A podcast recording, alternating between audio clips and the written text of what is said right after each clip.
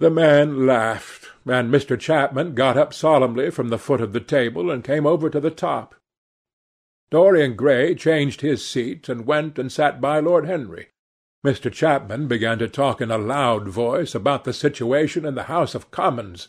He guffawed at his adversaries. The word doctrinaire, word full of terror to the British mind, reappeared from time to time between his explosions. An alliterative prefix served as an ornament of oratory. He hoisted the Union Jack on the pinnacles of thought. The inherited stupidity of the race Sound English common sense, he jovially termed it, was shown to be the proper bulwark for society. A smile curved Lord Henry's lips, and he turned round and looked at Dorian. "Are you better, my dear fellow?" he asked. "You seemed rather out of sorts at dinner." "I am quite well, Harry. I am tired, that is all. You were charming last night. The little duchess is quite devoted to you. She tells me she is going down to Selby. She has promised to come on the twentieth. Is Monmouth to be there too? Oh, yes, Harry. He bores me dreadfully, almost as much as he bores her. She is very clever, too clever for a woman.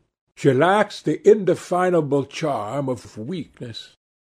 It is the feet of clay that make the gold of the image precious. Her feet are very pretty, but they are not feet of clay. White porcelain feet, if you like. They have been through the fire, and what fire does not destroy, it hardens. She has had experiences.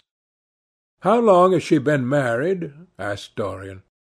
An eternity, she tells me.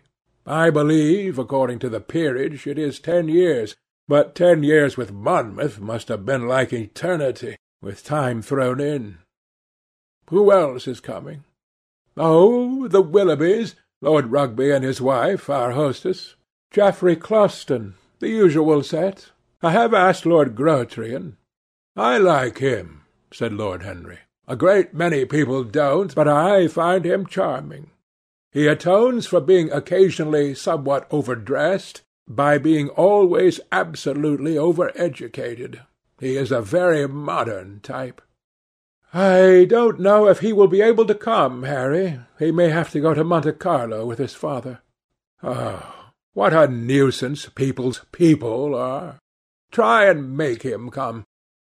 By the way, Dorian, you ran off very early last night. You left before eleven. What did you do afterwards? Did you go straight home?" Dorian glanced at him hurriedly and frowned. "No, Harry," he said at last. "I did not get home till nearly three." "Did you go to the club?" "Yes," he answered. Then he bit his lip. "No, I don't mean that. I didn't go to the club. I walked about. Uh, I forget what I did. How inquisitive you are, Harry! You always want to know what one has been doing. I always want to forget what I have been doing. I came in at half-past two, if you wish to know the exact time. I had left my latch-key at home, and my servant had to let me in. If you want any corroborative evidence on the subject, you can ask him." Lord Henry shrugged his shoulders. "My dear fellow, as if I cared! Let us go up to the drawing-room. No sherry, thank you, Mr. Chapman. Something has happened to you, Dorian. Tell me what it is. You are not yourself to-night. Don't mind me, Harry. I am irritable and out of temper. I shall come round and see you to-morrow, or next day. Make my excuses to Lady Narborough. I shan't go upstairs. I shall go home. I must go home. All right, Dorian. I dare say I shall see you to-morrow at tea-time. The Duchess is coming. I will try to be there, Harry, he said, leaving the room. As he drove back to his own house, he was conscious that the sense of terror he thought he had strangled had come back to him. Lord Henry's casual questioning had made him lose his nerve for the moment, and he wanted his nerve still. Things that were dangerous had to be destroyed. He winced. He hated the idea of even touching them. Yet it had to be done. He realized that, and when he had locked the door of his library, he opened the secret press into which he had thrust Basil Hallward's coat and bag. A huge fire was blazing. He piled another log on it. The smell of the singeing clothes and burning leather was horrible. It took him three quarters of an hour to consume everything. At the end he felt faint and sick, and having lit some Algerian pastilles in a pierced copper brazier, he bathed his hands and forehead with a cool musk-scented vinegar. Suddenly he started. His eyes grew strangely bright, and he gnawed nervously at his under lip. Between two of the windows stood a large Florentine cabinet, made out of ebony and inlaid with ivory and blue lapis. He watched it as though it were a thing that could fascinate and make afraid, as though it held something that he longed for and yet almost loathed. His breath quickened. A mad craving came over him. He lit a cigarette and then threw it away.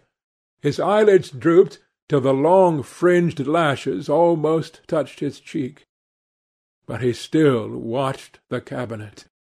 At last he got up from the sofa on which he had been lying, went over to it, and having unlocked it, touched some hidden spring. A triangular drawer passed slowly out. His fingers moved instinctively towards it, dipped in, and closed on something. It was a small Chinese box of black and gold dust lacquer, elaborately wrought, the sides patterned with curved waves, and the silken cords hung with round crystals and tasselled in plaited metal threads. He opened it. Inside was a green paste, waxy in lustre, the odour curiously heavy and persistent. He hesitated for some moments, with a strangely immobile smile upon his face. Then, shivering, though the atmosphere of the room was terribly hot, he drew himself up and glanced at the clock. It was twenty minutes to twelve.